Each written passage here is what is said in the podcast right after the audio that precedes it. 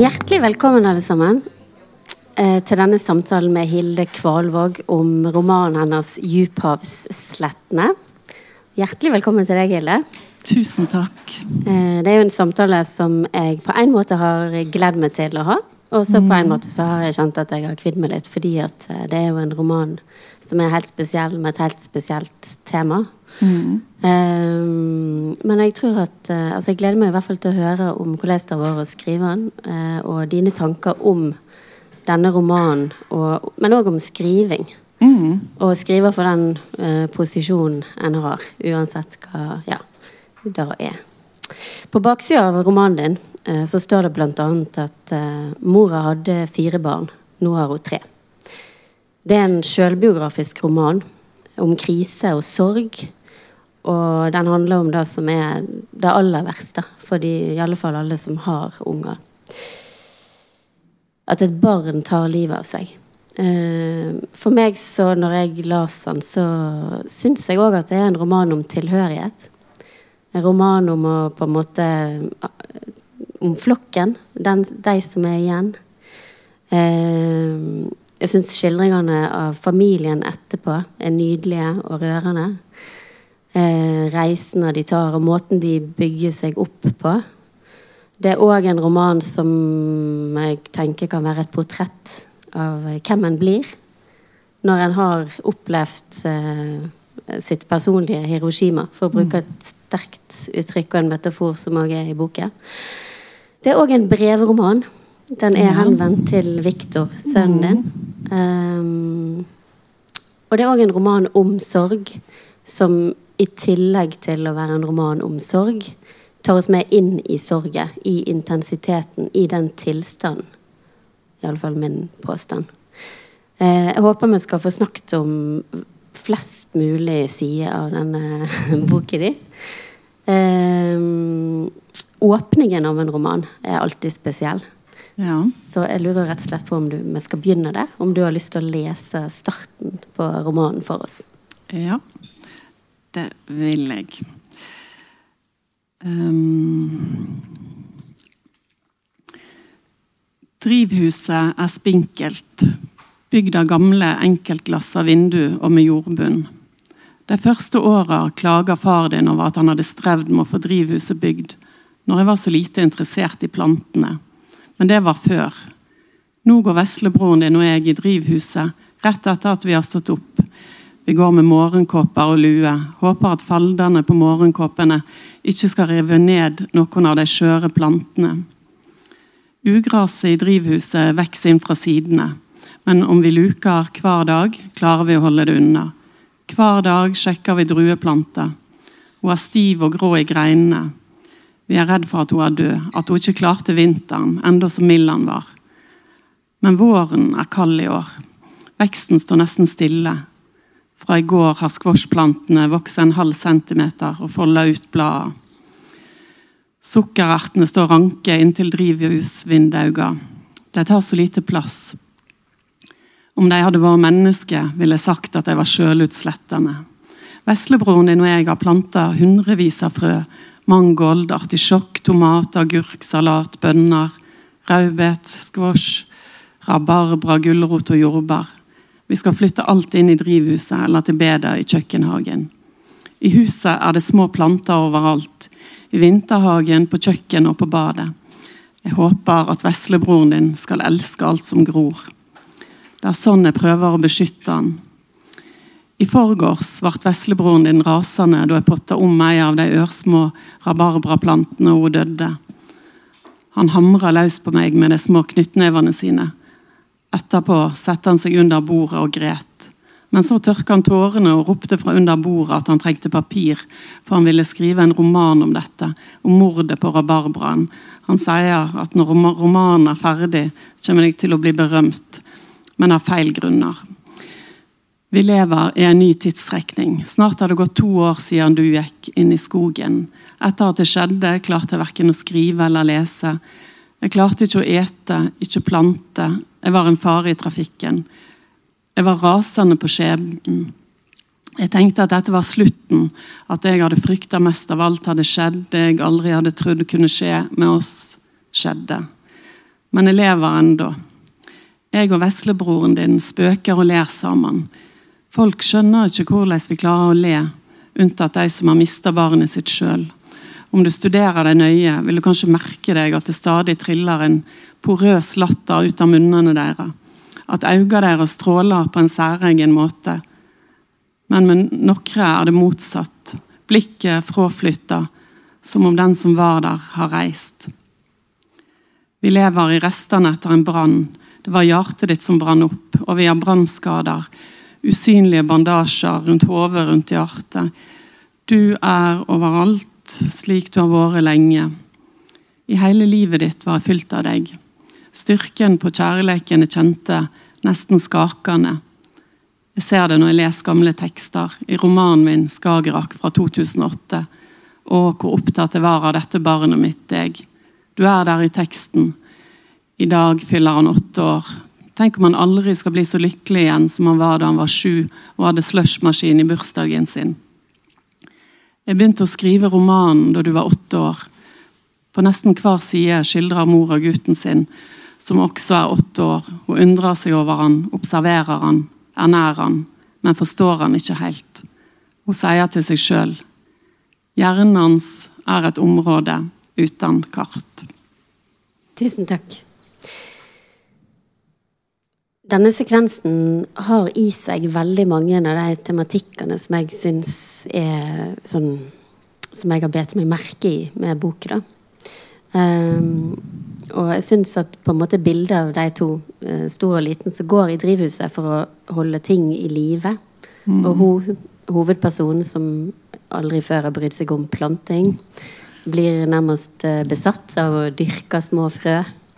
Uh, hun brydde seg før òg, men hun var bare litt dårligere. Litt mer talentløs for å få det til å gro. Ja, ja. nettopp.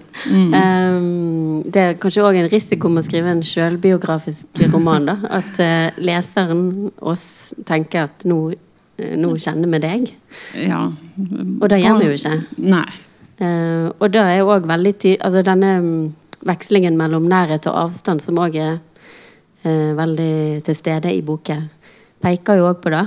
Mm. Um, det har jeg veldig lyst til å komme mer innom seinere, da. Men denne det er nesten, De går nesten til drivhuset med en slags andakt, føler jeg. Uh, og nesten alt de gjør, blir på en måte farga av uh, noe rituelt. Mm, det, vet du hva? det blir jeg veldig glad for at du sier, og, og, jeg tror det er veldig sant. At drivhuset blir nesten et slags lite tempel. Mm. Uh, og det blir veldig viktig å få ting til å gro der inne. Og så er det jo òg sånn som det står seinere i romanen at det er ingenting med drivhuset som minner egentlig om, om Viktor. Mm. Men han gikk jo forbi kjøkkenhagen når han var på mm. veien i skogen. Men i selve drivhuset, der var han nok aldri. Så det er på en måte òg en hva kan man si da, Det er et lite tempel som er utenfor, litt utafor sorget, iallfall? Kanskje? Ja, altså det er et slags Ja, et sånn grønt eh, rom av håp, da. For mm. å um, si noe som kanskje høres ut som en klisjé, men um, som jeg tenker er veldig sant. For, mm. ja. Jeg tror klisjeene, eller det som kan ligne på klisjeer, må vi komme tilbake til. For jeg tenker at en sånn setting som denne romanen er skrevet i, er vel nettopp eh, bakgrunnen for at vi har noe vi kaller klisjeer. Altså, det er eh, noe som på en måte krever et språk som en gjerne i andre sammenhenger kunne kalt var klisjeer, men de er jo ikke Jeg oppfatter ikke dette som klisjéfylt i hele tatt. Eh, vi kan godt komme nærmere inn på hvorfor det er sånn. Mm. Um, nå skal det ikke bli en sånn samtale der vi skal komme tilbake til alt seinere. Men jeg har liksom et ark her med punkter jeg har tenkt å snakke om. det. Men, men det kan være for å bare skyte inn i forhold til det med klisjeer at, ja. um, at, at, på et tidspunkt så går jo moret i romanen, som er som heter Hilde, og som ligner på meg, men som ikke er meg i ett og alt. Men hun går på Litteraturhuset og hører på en som heter James Montgomery. Mm. Eh, som har en sønn som har blitt veldig hardt skada i en trafikkulykke, og, og kommer til å bare bli dårligere og dårligere. Og han er en sånn akademiker og oversett eh, dikt fra eh, 600-tallet. Mm. Ja. eh, eh, og, og, og det var han som egentlig sa det at, at kun klisjeene snakker sant om sorgen. Så det, det har vært veldig viktig for meg å, um, å, ja, å kunne gå inn i det språket som kjennes sant og riktig om Mm. den følelsen. Ja. Um, den følelsen er å være så traumatisert. Da. Ja. Ehm, ja. Altså den følelsen av å gå som en får av å lese om Hilde i romanen ehm, det, altså Den forandrer jo seg veldig. Uh, det begynner på en måte i en utrolig Eller det begynner jo veldig rolig og dempa. Men det er en scene jeg har sett for meg må ha vært skrevet lenge etterpå. Uh, men det vet jeg jo ingenting om. Det kan jeg jo for så vidt spørre deg om. Uh, husker du når det som ble starten? Når i skriveprosessen du skrev det? Um, altså Det skrev jeg eh, under korona. Ja. Var jo kjempeglad for korona. En Ja. av de som syntes det var topp. Eh, Endelig så endelig pandemi. eh, stenger verden ned. Nei Ja. Men så jeg, jeg skrev ganske mye da, tidlig om morgenene. Men um, det var jo kanskje seint i prosessen, men jeg føler at jeg har skrevet alt ganske parallelt. Altså de mest smertefulle delene har skrevet Ja, noe av det kanskje litt tidligere enn en den starten, Mm. men um, Men det var ikke det var ikke sånn at alt det rolige ble skrevet til slutt, faktisk. Det var vel kanskje at jeg gikk ut og inn av det. Ja. Mm. ja, for denne sekvensen uh, er jo preget prega av veldig ro. Eh, Det er nesten meditativt. For, og det, det, sekvensene der hun skriver at hun skriver om morgenen òg, føler jeg er preget av en annen ro enn mange av de andre delene. Um, ja. Eh, og, og det er jo kanskje fordi at um, At jeg i romanen da vil jo vise den utviklingen som tross alt skjer, sant, mot uh, altså sjokkfase, sant, og så er du eh, eh, kanskje en, en reflekterende fase. Herregud, hva skjedde? Hvordan kunne dette skje? At du, at du prøver virkelig å grave finne ut alt eh, ja, om, om Viktor. Da, sant? Men så, så kommer det jo en slags mer forsont fase etter hvert. Eh, men, men det er jo òg en plass der hun er på fjellet etter ni måneder og sier at hun føder den permanente kjensla av sorg. Ja. Eh, Men, men en følelse er ikke heller helt permanent. Den vil jo svinge. Ja, altså språket i romanen din er jo Det svinger jo, som du sier. Det her er jo den mer sånn eh, En reflekterende del. Um, men det jeg syns du har lykkes utrolig bra med, er det med at det er så rått og intenst og eh, veldig ekstremt nærværende. Um, ja, og det lykkes, sånn som jeg ser det, da, med å på en måte legge et språk på den opplevelsen en gjerne har når en er i sorg. Det er desperasjon og raseri, og det er utrolig Innimellom er det kanskje litt banalt. Um, og det er en nydelig sekvens der hun på en måte går rundt og vil ha det som er stygt. Hun vil ha den styggeste lighteren på bunnpris. Uh, ja, det er utrolig masse humor her òg. men det med at uh, sorg Altså, du klarer å gi et språk til ei akutt sorg. Uh, det føler ikke jeg at jeg har lest veldig mange andre plasser. Men hva tanker gjør du deg sjøl om, om eh, eh, ja, et, et sørgende språk? Ja, det var jo viktig for meg å, å finne et språk så eh, Ja, som virkelig kunne uttrykke hvor desperat eh, denne hovedkarakteren er. Og Eh, og at jeg kjente på en sånn trass når jeg skrev det. Jeg tenkte liksom ok, jeg har lært du skal ha distanse, det er kjempebra, tipp topp, da blir det god litteratur. Eh, men, men, at jeg eh, at, at, jeg ville skrive om, om brannen så, sånn som så jeg opplevde den. Men jeg har ikke skrevet dette han jeg var midt i brannen, for da skrev jeg faktisk ingenting. Sant? At jeg eh, var opptatt med å brenne bøkene i bokhylla. Altså, ikke bokstavelig talt, men jeg syns alt var bare drit. og mm. eh, Jeg skrev ingenting. Men, men når jeg begynte å skrive, så var det fremdeles så rått i meg at eh, det var ikke noe problem å finne tilbake til den um, ja, det brutale språket. Men når det er sagt, så har jeg skrevet ganske sånn brutalt før òg. Jeg husker f.eks.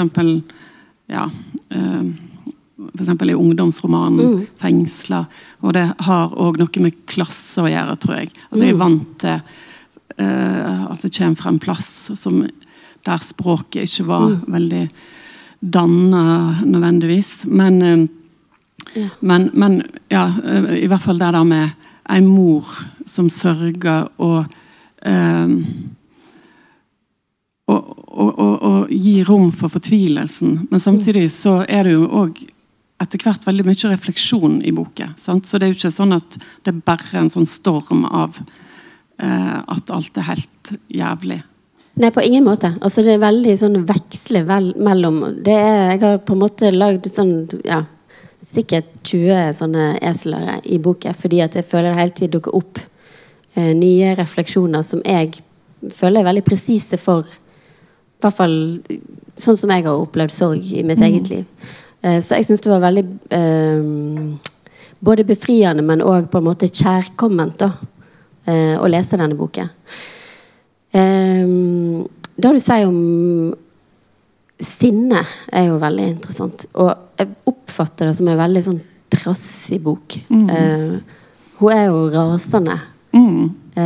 kanskje irrasjonell da, men herregud. Hun er jo ganske irrasjonell når hun vil skjære tunga av eh, mannen i kassen på butikken. Ja. Det er jo ikke Det er jo nært galskap. Men mm. det er jo noe av det jeg ville utforske òg, fordi at jeg tenker Vi snakket på forhånd om, om annen sorglitteratur. Og, mm. eh, og jeg tenker på det der at for eksempel, Jeg har sett Denise Riley som har skrevet om, om hvordan tida stopper. Eh, men og, og det, det, kjente meg veldig igjen i. Sånn at du blir litt gal. Mm. Uh, og du blir ikke nødvendigvis snill i det hele tatt, men viser den galskapen. Men så er det jo òg sånn at hvis kvinner skriver om sinne, mm. eller sinte kvinner, er det ofte likhetstegn med gal kvinne. Mm. Um, sint mann, mer normalt. Ja, vi har Kanskje da Dette er jo mor, sant? Mm. Mor har mista barn. Mm. Det er jo et av de største tabuene òg i litteraturen, kanskje. Eh, eller Det er kanskje ikke så rart heller, for døden er jo skremmende med god grunn for alle. Og det er jo ingenting kanskje som er så traumatiserende. Men da raseriet da, som ligger i det, Jeg føler det nesten er som en motor i mm. store deler av teksten. Og trassen. Og òg at en lyst til at språket skal være litt stygt og um, og all røykinga, f.eks., mm. i boken. Eh, men det er veldig godt å lese, da, syns jeg. da. Um, ja, ja, tusen takk for det. Altså um, Jeg uh, Jeg føler jo at jeg har uh, um, Ja, det er jo en sånn kvinneskikkelse som, uh, som ikke har, ha nødvendigvis så veldig positive egenskaper, i hvert fall i begynnelsen. Sant? Så med røyking og knask og valium og gir whisky til dattera som ennå ikke er 18 år. Og, og det liksom, men, men, det har jeg faktisk kost meg litt med å skrive òg. For, mm. for uh, at uh, Det er òg en sånn konsekvens av sorg at, uh, at du liksom ikke gidder sånne polerte ting. Det er mm. liksom Ja. Ja. Sånn er det. det ligger jo en enorm styrke da, i denne kvinnefiguren, morsfiguren, som har opplevd det verste som kan skje. For hva skjer egentlig når du har opplevd det verste som kan skje? Hvem blir du da? Um, da må en jo bli til på nytt, nesten. Um, ja, det er jo et veldig interessant spørsmål. Hvem blir en da? Ja. Er en uh, Ja, sånn som vi snakket om på forhånd, at du at du, du, må oppdage verden på nytt, men du må òg oppdage deg sjøl på nytt. Eh, mm. finne ut hvem du skal være. Eh, og, og den her eh, morskarakteren eh, Hun kunne jo gått til grunne. Mm. Eh, for, for, det vet du faktisk ikke når noe sånt skjer. Eh, vil det være så vanskelig å gå videre at du faktisk ikke klarer det? Mm. Det skjer òg. Uh, men når ikke det skjer, så syns jeg at uh, at, ja, at det var spennende å utforske. Og nå er jo dette en selvbiografisk roman, så jeg skal ikke legge skjul på at det mm. er en del av det. Mye har ja, stemmer med virkeligheten, og f.eks. er det å å, å, bli klimaaktivist. Sant? For du, du, bryr deg ikke lenger om hva, hva folk syns, eller, mm. eller, at du syns sjøl at du ser veldig tydelig hva som er viktig. Og det er akkurat som gardinene er mm. trukket fra. Og ja. du ser verden på nytt. Ja. Den følelsen eh, er jo òg noe som i utrolig masse litteratur om litteratur er en tilstand som kunstnere leter etter, ønsker seg. Å få trukket til side det sløret, da. Og, og, kunne kle av omgivelsene igjen. Eh, Sklovskij har et sånt essay som handler om å vekke til live tingene igjen. For alt har jo mista viktighet, mm. og så er det hvordan kan Ja, han snakker vel om kvinnen og krigen, da, men vi kan jo snakke om andre ting. Sånn som måten eh, hovedpersonen her sanser verden på. Mm. Og sanser eh, livet med sin yngste sønn, f.eks. Tingene blir ekstremt eh, klare og trer mm. fram på en helt annen måte. Jeg vet ikke om det var et spørsmål der, men det jeg lurer på, er vel eh, Ja. ja. Nei, men det, det, er helt, det, det, er helt sant. Og, og sånn som jeg har sagt uh, i andre intervju så ble jeg Jeg leste et sånt dikt av Thomas Transtrømer om, eh, om en sånn sorg, sorghette som en eller annen ja, i, i, sorg har på seg. Og, og, egentlig så er det noe litt fantastisk med å være der inne òg. For at, eh, at, ting blir så klare, og alt dirrer. Og, og jeg tenker jo at uh, Altså, det er jo mitt håp med denne boka at folk skal kanskje et øyeblikk se ting litt klarere i, i sitt eget liv. da. Mm. Uh, men det er jo veldig ambisiøst, da. ja. da må det være lov. Um, ja, da jeg blir jo òg nysgjerrig når du sier det på om du har tenkt det altså Boka er jo henvendt Den er jo et brev til Viktor. Mm. Men hvem ser du for deg at den er for som lesere? Ja um, Når jeg skrev henne, så um, kjentes det livsnødvendig å skrive. Og å være i, i kontakt um, med Viktor på den måten. At mm. uh, Ja, og det var en måte å holde han levende. Men uh, jeg skrev det jo Først så tenkte jeg på Viktor, så tenkte jeg på lillebroren hans, som ikke får bli kjent med han. Som var bare fire år når han døde. Eh, men så tenkte jeg òg på alle som eh, kanskje eh, kjenner Ja, som At det vil vise de som orker å gå inn i det, i hvert fall, hvordan det er å være i djup sorg. Eh, og, og, og, ja, på en måte nyansere bildet av sorgen, men òg nyansere bildet av den som har tatt livet sitt. Sant? Det er ikke et, eh, så det er jo òg et portrett av han. Um, nei, jeg tenker på Det kan være så mange ulike lesere.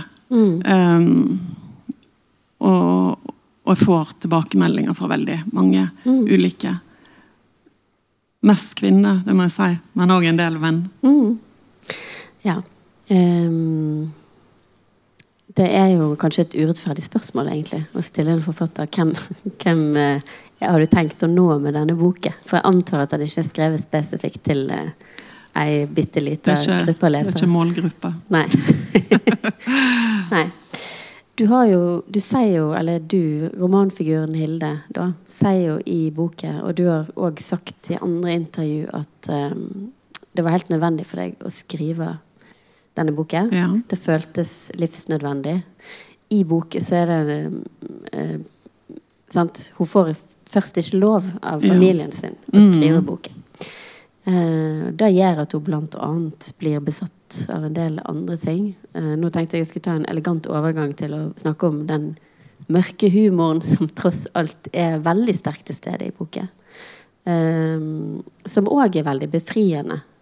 Eh, og som òg på en måte henger veldig nært sammen med det samholdet som blir skildra i familien.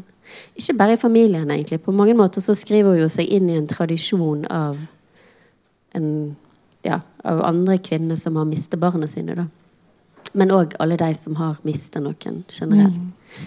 Ehm, jeg tenkte vi tar oss tid til en litt, at du kan lese litt mer. Um, for du snakker i boka om noe du kaller for den mørke latteren. Den mørke humoren som oppstår. Og jeg syns det er veldig fascinerende når hun bestemmer seg for at hun på død og liv, fordi hun ikke får lov til å skrive denne romanen, må bli sykepleier. Og da har vi på en måte en romanfigur som er eh, Som kjederøyker og tar valium og vil bombe hele dritten vekk. Men hun vil òg bli sykepleier. Det er ganske morsomt, da.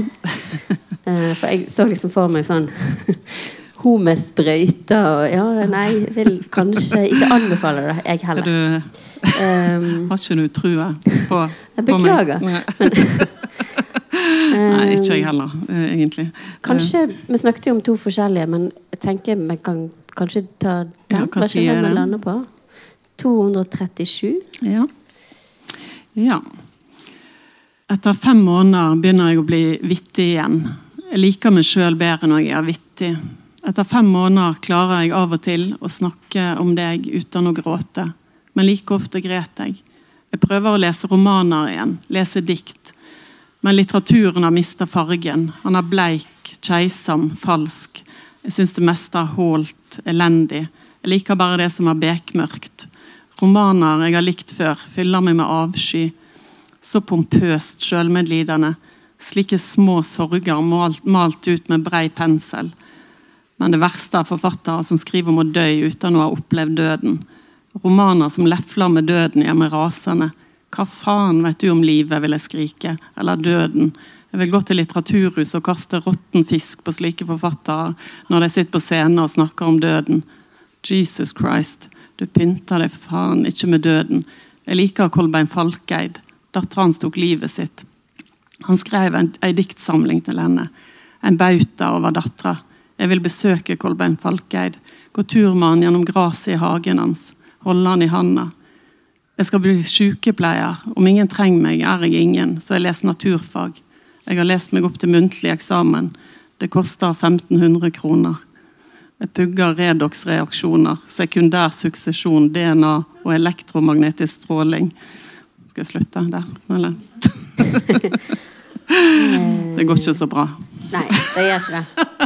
Det er òg en slags Altså Det er jo en veldig mørk humor, da, men det er jo veldig um, Altså Han faren da som påpeker da leseren på en måte òg Han tar liksom litt leserens perspektiv, da, for det er jo en voldsom avstand der på det punktet i romanen mellom eh, eh, hovedpersonen og leserne. For hun går på en måte rundt i sin egen nærmest sånn eh, sorgrus.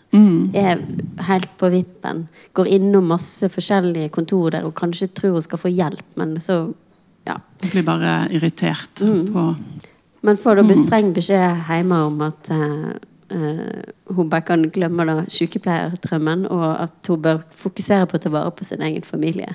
mm. Uh, ja. Eh, det er en veldig befriende latter oppi det hele. Um, som er den kanskje Du sa, sa jo i stad at, eh, at en del av boka òg handler om å eh, opprettholde minnet, eller ta Mm. vare på.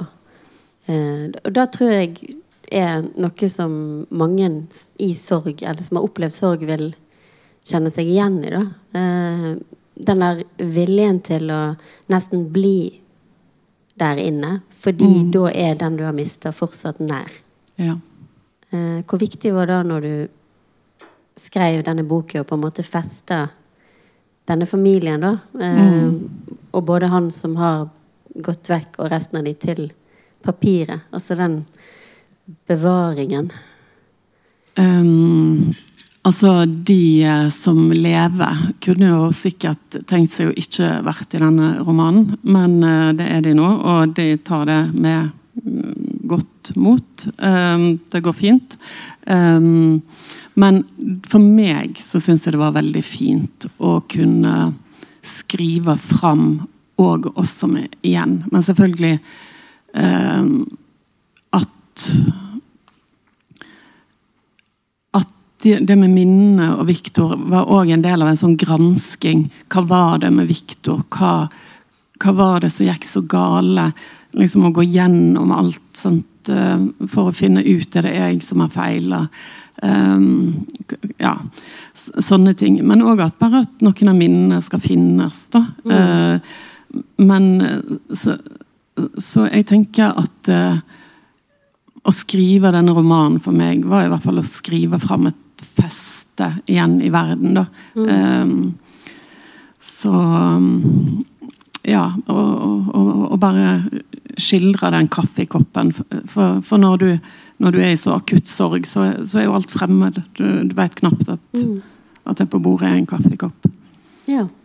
Og den akutte følelsen av fremmedgjorthet Mm. eh, er jo på en måte sjeldent å få fram på denne måten, syns i hvert fall jeg, da. Um, ja. Nå hopper jeg veldig. Men jeg kan bare si at uh, Naja Marie Ait, som skrev Karls bok, hun uh, uh, sa jo òg det at vi er ikke så gode med sorg i Norden. Uh, vi, eh, vi er ikke så gode med Ja, vi har ikke noe Kanskje så gode ritualer, eller vi, vi har ikke så mye god litteratur eh, om det. Så, så hun snakker jo om at språket eh, på en måte krakelerer totalt. Hun gidder ikke skrive fine setninger. Så skrev hun en mer sånn fragmentarisk, poetisk bok. Eh, men eh, Men jeg var jo eh, Jeg tenkte jo, jeg har jo veldig stor respekt for henne, så at, at der at At jeg trodde ei sånn bok kunne ha um, Kunne fortjene et liv, da. Sant? At, eh, at det var en plass for den. Og, og det føler jeg at, at mange tilbakemeldinger um, ja, bekrefter, da. Mm, absolutt. Det å skrive og feste noe til papiret er jo òg å, å Nettopp det du sier, da, å holde og Det kan både kanskje være en måte å holde seg fast i verden på. Mm. Men det kan være en måte å, eh, å, å feste et minne Altså Det er veldig masse Prost-referanse i denne romanen. da Og det er jo vel ikke akkurat tilfeldig, vil jeg tro. Nei. Nei da. Det mm, var jo opptatt av eh, og fant trøst i det som Prost hun som uttaler, sier om at at et minne er nesten enda vakrere enn når det faktisk skjedde. Um, og det, det syns jeg var så, så fint å tenke på. da, At jeg kunne skrive fram de minnene med Viktor. Men òg så går jo tida. Lillebroren som var fire år, han er nå sju år. sant? Og det er allerede historie, det som de øyeblikkene som så fins um, i boken. Ja, og det er utrolig masse litteratur som er inspirert av eh, sorg. Eh, og sorg er jo Eller det er kanskje naturlig å ha et behov for å uttrykke seg. Det er jo interessant at hun sier at vi i Norden er dårlige på det. da. For meg er vel Men vi er jo Vi har jo ikke vært sånn kjempegode på følelser. Det vet jo Nei. sikkert du, Eli, som kommer fra Strilelandet. Det var liksom Ja, nå døde han, ja. Ok. Det var ikke var trist. godt. Ja. sånn. Du vet ikke om du kan huske når Klemmen kom til Norge på Jo, absolutt. Med 1990-tallet? skrekk og gru. Ja, det var jo forferdelig. Ja. Jeg husker det som en sånn rad av onkler Ja. som sto med skrekk i blikket og lurte på om de var nødt til å begynne å klemme deg Liksom. ja, sant. Ja. Nei, nei, selvfølgelig. Ja, men hva tenker Da kan jo vi hoppe rett inn til, nei, til et tema som vi på en måte har litt felles, da. Um, som òg er viktig i denne boken. Uh, som er Ja, altså vi er jo fra ca. samme type plass her på Vestlandet. Mm. Og jeg tror at For meg så er det noe veldig sånn eh, Jeg vet ikke hvordan jeg skal forklare det, men hei, altså ikke akkurat heimekjært. Men språket ditt. Jeg føler meg hjemme i det. Mm. Eh, jeg tror at det er mange nyanser der som er lette for meg å få med meg i måten en, en er litt tøff på, kanskje. Ja. Eh, og du var jo inne på det med klasse, og vi har jo sittet her før samtalen begynte og snakket om at du vokste opp på en plass som jeg er oppdratt til å kalle for skuggehelvete. Eh, ja. Så hva da perspektivet, eller din eh, utgangsposisjon som skrivende kvinne fra Skuggestrand, da? Ja, der er jo den første. Og, eh, og eh, Nei, det var jo en skikkelig underdog-posisjon. Mm. kvinne, nynorsk fra Skyggestrand. Ikke bli stort verre. Eh, som ikke hadde litteraturvitenskap engang. Eh, men, eh, men det har jeg på en måte begynt å, å, å snu litt til, til min fordel. Da, tenker jeg. Altså, hvis du kommer fra ingenting, så kan du bestemme sjøl hva du vil eh, være. Um, og, og det tenker jeg Det som var litt fint eh, når du kommer fra en sånn plass, og du er vant til det liksom mørket da, Det var jo fire måneder i året det ikke var sol, så du er liksom vant til mørket. Eh, men eh, Men det når, når du mister barnet ditt i selvmord, så blir du jo på en måte verdens mest mislykka menneske. Sant? Og det syns jeg var eh, litt sånn eh, Fint i boka, da. Hvordan, å vise hvordan Når du er blitt det mest mislykka mennesket i verden, så får du kontakt med de andre som føler seg mislykka. Og, og det er noe eh, ja, det er noe litt tilfredsstillende med å se verden fra den posisjonen. For eksempel, de reiser til Odessa, sant, og alt holdt på å dette ned, og det er helt topp. Eller Ukraina, altså Tsjernobyl. Ja, det er sant, faktisk altså, en favorittdel i boken. da, Hvordan de elsker Jo liksom styggere og mer gudsforlatt, jo mer begeistra er de. Ja, ja, ja, for da kan de liksom kjenne seg igjen. Sant? For Mm. vi vil jo alle speil, bli speila, eller kunne speile oss. Sant? Og, og folk som har alt på stell. Det ble jo veldig uinteressant. Eller sånn Paris eller Roma. Bare. Var Kanskje litt bedre i Roma nå, for nå er det så mye villsvin der. Ja. Um, skal vi se om jeg skal ta oss tid til at du kan For jeg hadde egentlig håpet at kunne, du kunne lese bitte litt fra Ukraina òg. Husker du sidetallet? Eh, 226. Ja. Gatene i Podil ligner gatene på Grünerløkka. Dette er altså i Kiev. Eh, Eller Nørrebro. Ved hotellet ligger en park der barn leker, kjærester kysser, hunder springer etter katter. På den lokale kinoen viser de filmen 'Bergman 1957'. Den gammeldagse røde trikken kjører forbi. En og annen Lada overrisla med høstløv pynter opp. Idyllen dirrer i overflata. Vi går på en gul hipsterkafé og et lunsj. På doen, som er like gul som resten av kafeen, kan jeg lese Vogue. De fortryller livet sitt, tenker jeg. De drømmer, pynter, lengter. Det utarmer samfunnet og optimistisk pynter, som kvinner i krig jo ofte er. Jeg tar på meg leppestift, min favoritt. Dior 772, matt rød. Kom, sier jeg, vi skal kjøre pariserhjul. Paris, Pariserhjulet på kontrakt over plassen av vogner og glass. Jeg blir stående igjen, ser far din og veslebror din forsvinne oppover. Sakte, sakte. Pariserhjulet går så seint at sekunder er som timer. Det stopper på toppen, gynger seigt fram og tilbake. Jeg vinker til dem nede fra bakken, veit ikke om de ser meg. Å, det er så fint her, så vakkert, men døden er her også.